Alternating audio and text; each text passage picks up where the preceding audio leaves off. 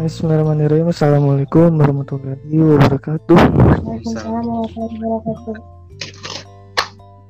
Waalaikumsalam warahmatullahi wabarakatuh. Kameranya hitam.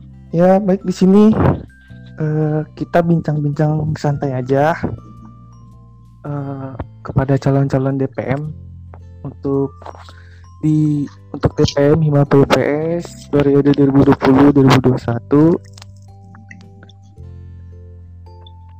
kedengeran suaranya semuanya Siap, terima Iya.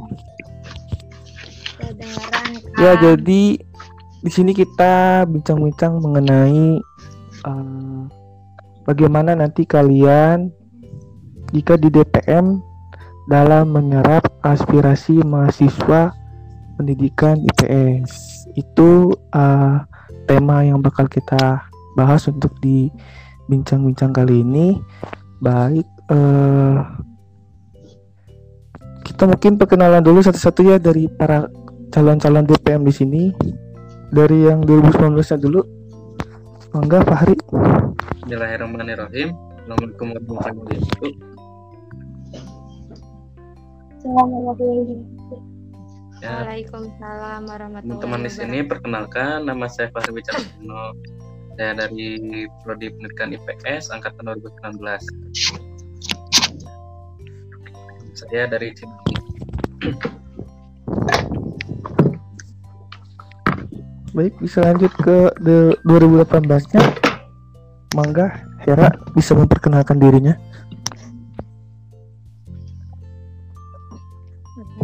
Assalamualaikum warahmatullahi wabarakatuh.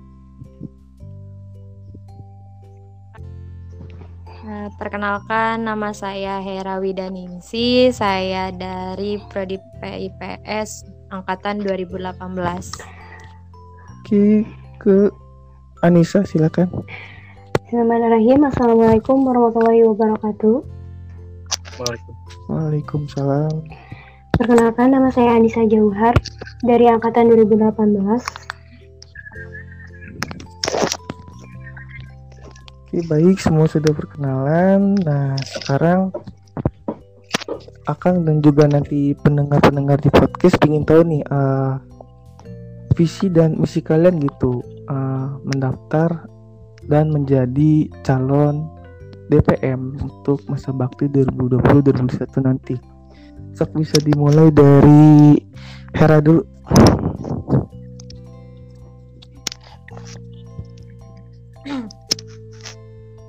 Bismillahirrahmanirrahim. Adapun visi misi dari Hera sendiri eh, adalah visinya itu mewujudkan DPM PIPS yang selaras dan kontributif, yang progresif, responsif serta demokratis. Adapun misinya, yang pertama berperan secara aktif dan tanggap dalam menjabatani aspirasi mahasiswa PIPS. Lalu yang kedua, menjalin hubungan yang bersinergi antara DPM, BEM, dosen, maupun mahasiswa PIPS itu sendiri. Yang ketiga adalah melaksanakan pengawasan dan koordinasi secara berkelanjutan terhadap kinerja BEM. Yang keempat, mewujudkan keanggotaan DPM yang dinamis dan harmonis dengan berlandaskan kekeluargaan. Sudah itu Kang. Baik, oke lanjut ke Anissa, mangga visi dan misinya. Bismillahirrahmanirrahim. Di sini saya memiliki visi mewujudkan DPM Hima PIPS yang progresif, responsif, serta demokratis. Dengan misi yang pertama mewujudkan keanggotaan DPM Hima PIPS yang dinamis dan harmonis dengan berlandasan asas kekeluargaan. Yang kedua, berperan secara tanggap dan aktif dalam menjembatani aspirasi mahasiswa pendidikan IPS. Yang ketiga, melaksanakan pengawasan dan koordinasi secara berkelanjutan terhadap kinerja BEM Hima PIPS. Yang keempat, mewujudkan transpirasi baik administrasi maupun aka- maupun ke- keuangan BEM Hima PIPS. Yang kelima, berlandasan asas demokrasi dalam menghasilkan kebijakan untuk menghasil mahasiswa pendidikan IPS. Sekian. Baik. Sok, sekarang dilanjut ke Fahri dari 2019 nih. Bagaimana visi dan misinya? Jadi visi saya yaitu terwujudnya DPM PIPS yang inspiratif. Nah, misi saya itu membangun komunikasi yang harmonis dengan mahasiswa BEM Hima PIPS. Lalu yang kedua itu meningkatkan pengawasan terhadap BEM Hima PIPS, PIPS yang aspiratif.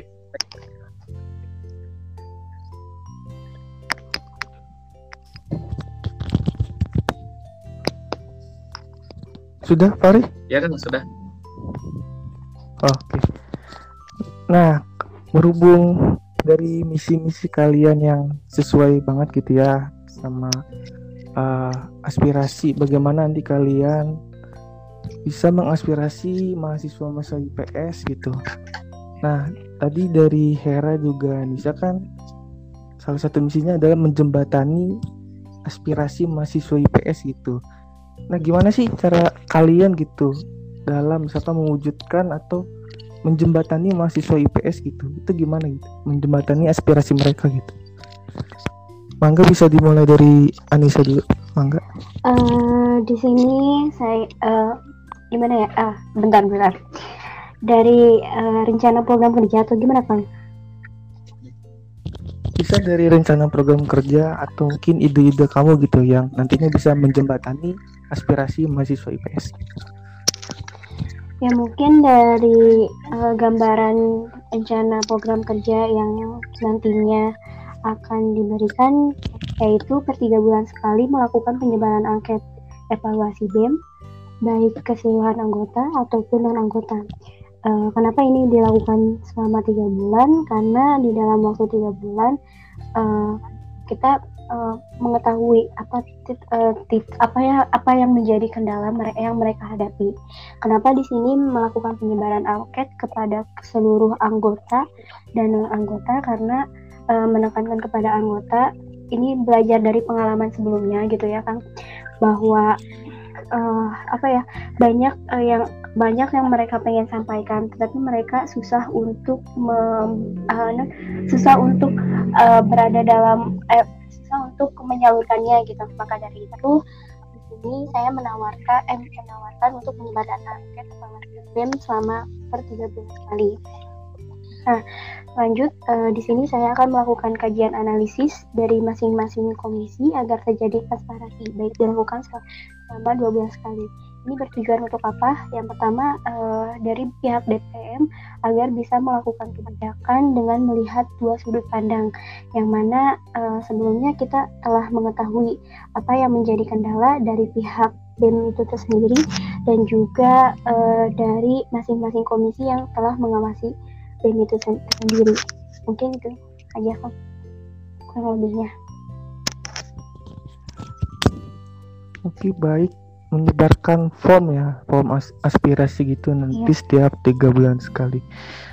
Nah uh, mungkin nanti penyampaian formnya itu uh, bagaimana gitu teknisnya? Sementara kan kalau untuk misalkan di IG gitu ya itu kan terkadang untuk BEM aja gitu. Uh, misalkan kayak kegiatan-kegiatan BEM atau yang lain. Nah untuk DPM sendiri nanti gimana? Apa buat IG juga atau gimana soal form tadi uh, mungkin kalau masalah form bisa bisa kan kita belum punya IG nih ya. Buat uh, kalau emang kita nanti ke depannya mau membuat IG atau tidak ter, ter, tergantung dengan kebijakan semua anggota DPM juga kan. Kalau semisal belum ada Instagram bisa dilakukan dengan uh, memberikan uh, form itu ke grup meminta bantuan ke grup uh, BEM-nya itu sendiri tapi di sana uh, diwajibkan untuk seluruh anggota BEM untuk mengisi itu. Dan melakukan apa ya melakukan pengisiannya tuh dengan sejujur-jujurnya gitu. Tukang oke baik. Ke Fahri dulu. Ya kak. Mungkin uh, maaf kan pertanyaan tadi sebelumnya seperti apa ya jadi bagaimana nih Fahri nanti misal di DPM menjembatani aspirasi-aspirasi yang dari mahasiswa IPS gitu itu itu baik itu untuk BEM ataupun untuk DPM gitu. Hmm, jadi menjembatani antara BEM sama DPM gitu ya Kang untuk mahasiswa ya aspirasi-aspirasi mahasiswa IPS jadi yang saya pikirkan itu untuk menjembatani antara BEM sama mahasiswa PIPS itu DPM itu membuat sebuah form gitu ya dengan Google Form gitu ya. Kita itu bikin survei nanti terhadap segala proker-proker BEM yang dilaksanakan gitu. Nah, apakah berjalan sesuai dengan kenyataan atau seperti apa? Lalu bagaimana dengan reaksi dengan mahasiswa PIPS-nya itu sendiri kan? Oke, baik.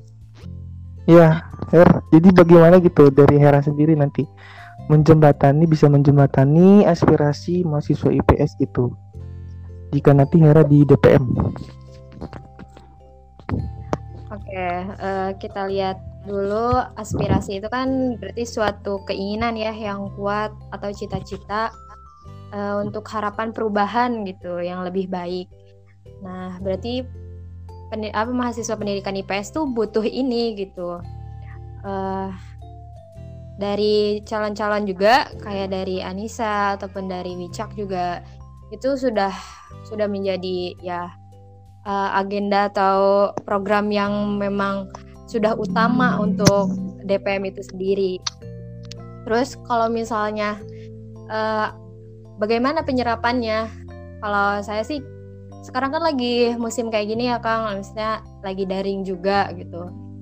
Titik utamanya adalah penyebaran form. Uh, kalau semisalnya emang benar-benar mereka butuh dan mereka uh, menurut mereka suatu aspirasi itu harus gitu ya untuk inspirasi dan inovatif juga buat uh, pendidikan IPS itu mereka pasti akan uh, menjawab form-form yang ada. Lalu uh, kalau misalnya dilihat kan sekarang komunikasi hanya adanya adanya di BEM aja ya gitu Kang kelihatan gitu kalau dilihat dari prodi-prodi lain mungkin setiap prodi punya gitu akun untuk DPM-nya itu sendiri. Nah, mungkin kalau misalnya kita itu ternyata nyatu gitu DPM sama BEM-nya. Jadi kadang uh, yang lebih unggul hanya BEM-nya saja, terus DPM-nya nggak ada gitu. Terlihat uh, tidak lebih muncul di sarana komunikasi di internet seperti IG gitu ya. Nah, adapun uh, bagaimana penyerapannya mungkin pertama form dan bikin kayak situs gitu uh, di web. Kalau misalnya mereka emang punya aspirasi tapi punya aspirasi mereka juga nggak mau gitu nulis di form atau misalnya tiba-tiba mereka punya aspirasi punya keluh kesah gitu uh, mereka tinggal masuk aja ke uh, situs tersebut mereka bisa menginput dan nantinya setelah dari input-input itu mungkin ya benar kayak misalnya kita dalam tiga bulan itu melihat Eh, hasil-hasil uh, tampungan aspirasi itu uh, di dalamnya seperti apa gitu. Kalau misalnya nanti udah nggak daring lagi kan pasti ada ya Januari ke bawah itu pasti udah nggak daring lagi. Rasanya itu pengen kayak membuka kotak suara gitu loh Kang, kayak kotak hmm. isinya tuh kayak buat uh, keluh kesah mereka, terus aspirasi-aspirasi mereka Nah, kotaknya itu kayak ditaruh di mungkin uh, ya bisa juga um, misalnya mereka malu gitu buat datang ke ke sekre misalnya karena juga DPM kan susah ya sekrenya nggak tahu di mana gitu ah, mungkin iya, bisa iya. Uh, mereka juga kontak orang uh, kontak orang-orangnya tersebut sampai nah uh, kayak DPM-nya tersebut dan menurut saya kita bisa diskusiin tempat yang cocok untuk uh, anak PIPS itu bisa menyalurkan aspirasinya gitu Kang. Hmm, oke okay, oke. Okay. Nah dari kalian berdua kan rata-rata form ya gitu. Yeah. Nah hmm. jadi nanti misalkan udah kekumpul nih form-formnya gitu, udah banyak aspirasi-aspirasi dari mahasiswa IPS.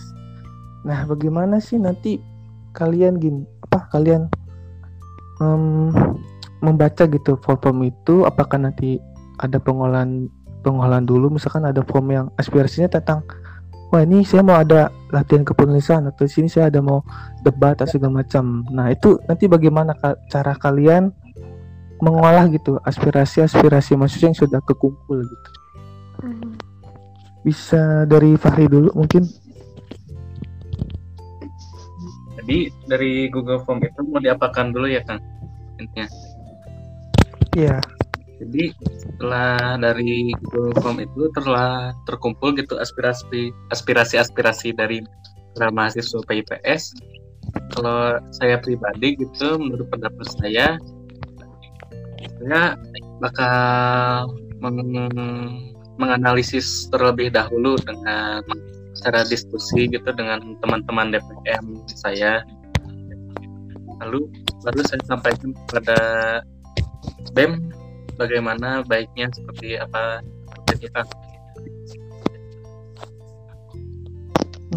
oke. Baik ke Hera mungkin. Bagaimana Hera misalkan form itu kekumpul gitu apa yang bakal dilakukan? Kalau misalnya Akang tadi bilang ada kegiatan-kegiatan gitu ya. eh, Iya bisa mungkin gitu. kan DPM tidak bisa ya Kang kayak bikin ya bikin acara-acara kayak gitu atas nama DPM. Ini semuanya atas nama BEM gitu. Mm-mm. Eh, ketika memang benar-benar aspirasi itu terdapat hal tersebut, kita ya konsultasi. Eh, yang pertama itu kita konsultasiin dulu eh, bagaimana dari DPM-nya itu sendiri, gimana apakah aspirasi ini memang benar-benar baik atau eh, akan dilaksanakan seperti apa. Setelah disaring seperti itu dari DPM langsung kita bisa diskusi gitu sama BEM-nya. Kalau misal sudah eh, menemui titik temu gitu, baru kita langsung ketemu sama si dosennya bagaimana gitu. Jadi eh, kalau misalnya ada aspirasi sebuah kegiatan pasti ya kita bakalan tampung urusan dilaksanakan atau tidaknya pasti tidak ada kayak acara-acara DP DPM itu sendiri mereka kan hanya menjabatani aspirasi bukan berarti eh, membuat acara tersebut gitu. Pasti kita juga semuanya udah tahu eh, kegiatan-kegiatan DPM juga tidak pernah kayak bikin eh, seminar-seminar ataupun ada acara-acara seperti BEM eh, pasti menindaklanjutinya ke ke BEM itu sendiri gitu ini kan aspirasi juga misalnya ada yang untuk BEM, ada yang untuk DPM, ada yang untuk benar-benar untuk dosen, terus ada aspirasi juga untuk dari mahasiswa ke mahasiswanya itu sendiri. Jadi hal ini bisa ditindaklanjuti seperti eh, setelah tahu eh, apa kegiatannya, misalnya ada mau kegiatan seminar-seminar gitu, eh, kita bisa rundingin dulu antara DPM seperti apa gitu eh, enaknya pasti eh, tidak yang tidak memberatkan salah satu pihak gitu loh Kang. Terus dari situ langsung kita ke BEM. Dari rapat DPM kita langsung rapat bersama BEM. Eh, ada misalnya masyarakat mahasiswa PIPS ingin ada kegiatan seperti ini. Eh, bagaimana kesanggupan dari BEM gitu. Ternyata ya setelah ditindaklanjuti misalnya acara ini memang ternyata baik untuk mahasiswa PIPS itu sendiri. Nah, dari situ juga kita bisa bersinergi semua kan Kang antara ya DPM, BEM, dosen dan mahasiswa PIPS itu sendiri gitu Kang. langsung ke Anissa dulu Mungkin dari Langsung dari Anissa dari tadi pembahasan dari eh, Hera sama Wichat sama sih langkahnya pasti seperti itu. Tadi kan saya sudah pernah menjelaskan menjelaskan kan bahwa saya melakukan kajian analisis dan masing-masing komisi yang itu kan.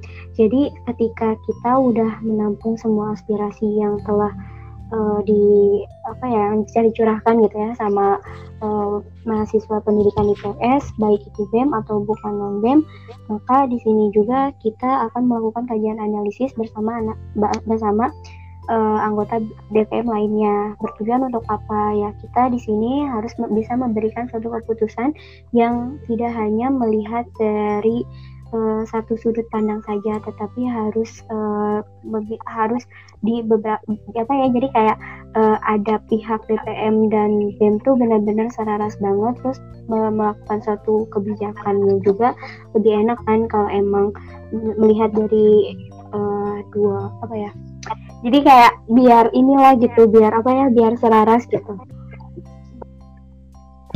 Iya iya. Iya harus ada keselarasan ya pokoknya uh, dari kalian nanti DPM dan juga BEM yang jelas hmm. dikomunikasikan aja kan semuanya. Hmm, ya lalu nah untuk form-form aspirasi ini misalkan uh, dari kalian nih selama kuliah gitu lah. Kayak Wicak mungkin udah dua semester jalan dan Hera sama Anissa udah empat semester jalan gitu. Ada nggak sih dari teman-teman kalian gitu yang mungkin kan kayak Hera di BEM gitu dan juga Anissa kan kok di, D, di DPM ya? Ada nggak sih kayak aspirasi gitu dari teman-teman kalian yang diungkapkan gitu ke kalian? Saya mau ini dong uh, gimana ya cara nyampeinnya gitu? Kira-kira ada nggak sih gitu kayak yang kayak gitu. Pasti ada. Bisa dari Anissa dulu pasti ada kang. Pasti ada lah kang. Uh, banyak lah gitu ya. Apalagi kan sebelumnya saya di DPM ya. Pasti uh, ada aja gitu keluhan yang di apa ya yang di yang disampaikan gitu dari anggota BEM atau non anggota BEM gitu. Cuma ya itu sih kendalanya. Saya belum masih belum bisa merealisasikan itu buat buat tahun kemarin gitu insya Allah tahun sekarang uh, bisa gitu buat merealisasiin apa yang menjadi keinginan uh, teman-teman itu. Karena uh, setelah uh, banyak teman-teman yang bilang sama saya tuh permasalahannya tuh pasti dalam satu satu permasalahan yang sama gitu. Itu sih.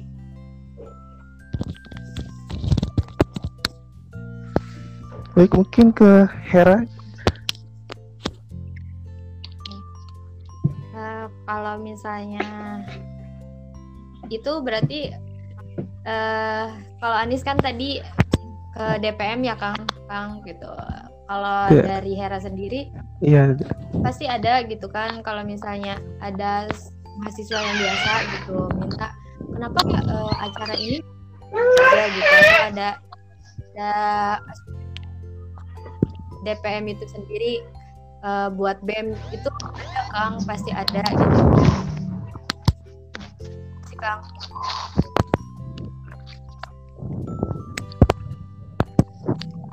Nggak dari Fahri Witak Witak uh, dari teman-teman kelas kalian deh.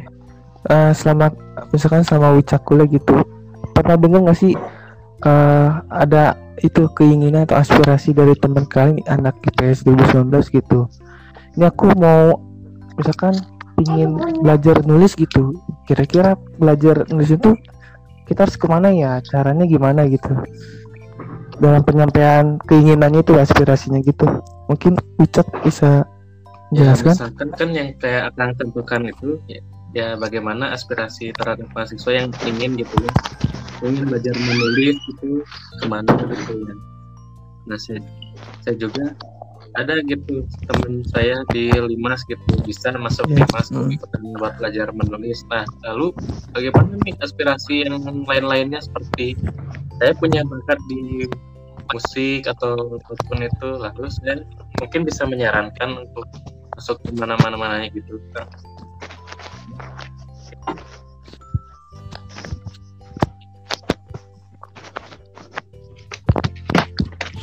Hmm. Nah, sekarang kita uh, agak berbicara ke permasalahan yang ada gitu ya. Kayak sekarang nih lagi ramenya soal UKT gitu. UKT yang di tengah pandemi kayak gini gitu. Uh, eh, UKT kita nggak ada kayak misalkan pengurangan atau penyesuaian gitu. Nah, misal ke depannya gitu ada kejadian kayak gini lagi gitu. Nah, kalian sebagai DPM gitu untuk bisa uh, menyentuh atau apa ya misalkan. Menelusuri gitu uh, ada nggak sih mahasiswa mahasiswa gitu yang dia tuh kesulitan gitu misalkan UKT ini di tengah pandemi kayak gini gitu kesulitan gitu. Nah bagaimana nanti kalian uh, eh, DPM gitu bisa menelusuri hal itu gitu? Uh, mungkin dari Hera gimana Her? Kalau okay, kayak gitu uh, kalau ini sih di Hera selama uh, gitu ya kan uh, lagi genting masa kayak gini emang genting uh, ke, terus banyak banget keluhan tentang UKT juga. DPR juga uh, sudah seharusnya juga ikut gitu kan. Uh, sama misalnya bekerja sama sama advokasinya itu sendiri dari BEM untuk sama-sama uh, menampung aspirasi-aspirasi itu seperti apa aspirasinya. Uh, nanti kita bisa didiskusikan gitu. Uh,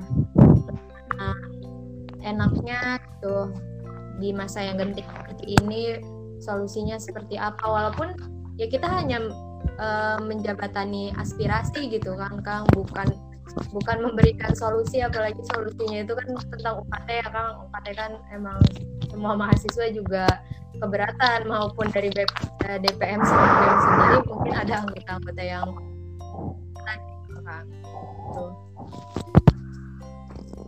Oke ke Anissa mungkin sebagai yang pernah di DPR uh, sama sih kayak Hera karena ya pasti jadi balik lagi ke tugas DPM kan hanya me memberikan uh, apa ya menjembatani aspirasi kan. Uh, dari itu ya pihak DPM bekerja sama dengan pihak BEM menelusuri siapa saja yang uh, merasa uh, apa ya me keberatan terhadap tersebut dan uh, memiliki masalah ter kendala terhadap UKT tersebut. Dan kita akan melakukan eh, apa ya menindak menindak itu tuh bareng-bareng uh, di sini DPM hanya sebagai uh, penampung aspirasi kan. Udah gitu paling di uh, kita juga bekerja sama gitu sama anggota DPM lainnya juga.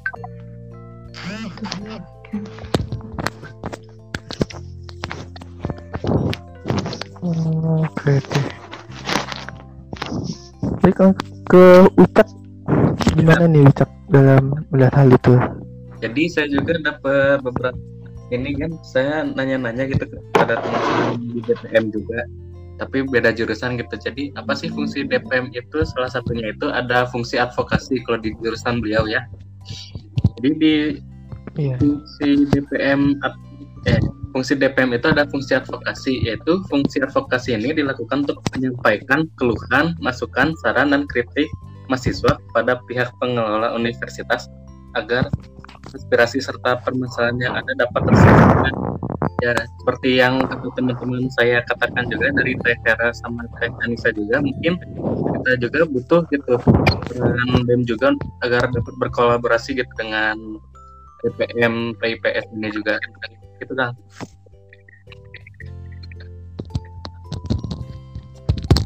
jadi membuat advokasi center gitu ya oke. Okay. iya. Untuk sekarang closing statement dari kalian gitu. Mengenai bagaimana kalian menjembatani aspirasi mahasiswa IPS ke Wicak dulu sok. Wicak closing statementnya. Ya mungkin dari saya mah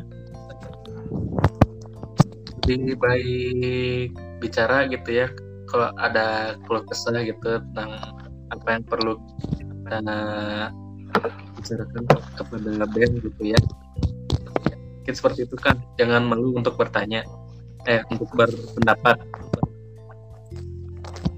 Oke baik. Jangan malu untuk berpendapat atau bertanya ya.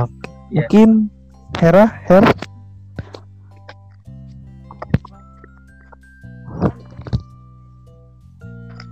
Oke, uh, closing statement dari Hera mungkin kalau misalnya aspirasi itu keinginan yang kuat kuat atau cita-cita dalam uh, harapan dalam harapan untuk perubahan yang lebih baik lagi, kenapa kalian tidak menggunakannya dengan lebih baik dengan caranya ya uh, kalian membuka sebuah inovasi ya untuk uh, pendidikan IPS itu sendiri. Mulai sekarang uh, marilah lebih uh, mengeluarkan inspirasi dan inovasi seperti apa keinginan kalian untuk Pak IPS itu sendiri dan kami uh, sebagai calon dari DPM akan uh, mungkin akan menganalisis dan uh, membuat hal tersebut mungkin menjadi kenyataan gitu. Sekian Kak. Baik ke Anissa. Uh, mungkin okay. dari Pahri dan uh, Hera sudah mewakilkan gitu semuanya. Di sini saya akan memberikan apa ya kata-kata mutiara mungkin ya. Cukup lakukan yang terbaik untuk diri dan lingkungan sekitar sesuai dengan versi dirimu sendiri. Dan janganlah pernah takut untuk berkontribusi dalam hal kebaikan. Cukup sekian dan terima kasih. Oke baik. Uh, ingin dicukupkan sekian uh, terima kasih banget ya buat kalian para calon-calon DPM untuk nanti masih periode 2020 2021 dan semoga nanti di saat masa e-votingnya kalian bisa mendapatkan hasil yang baik untuk di pemilu kali ini. Oke uh, saya Ian pamit undur diri dulu. Terima kasih. Wassalamualaikum warahmatullahi wabarakatuh. Waalaikumsalam warahmatullahi wabarakatuh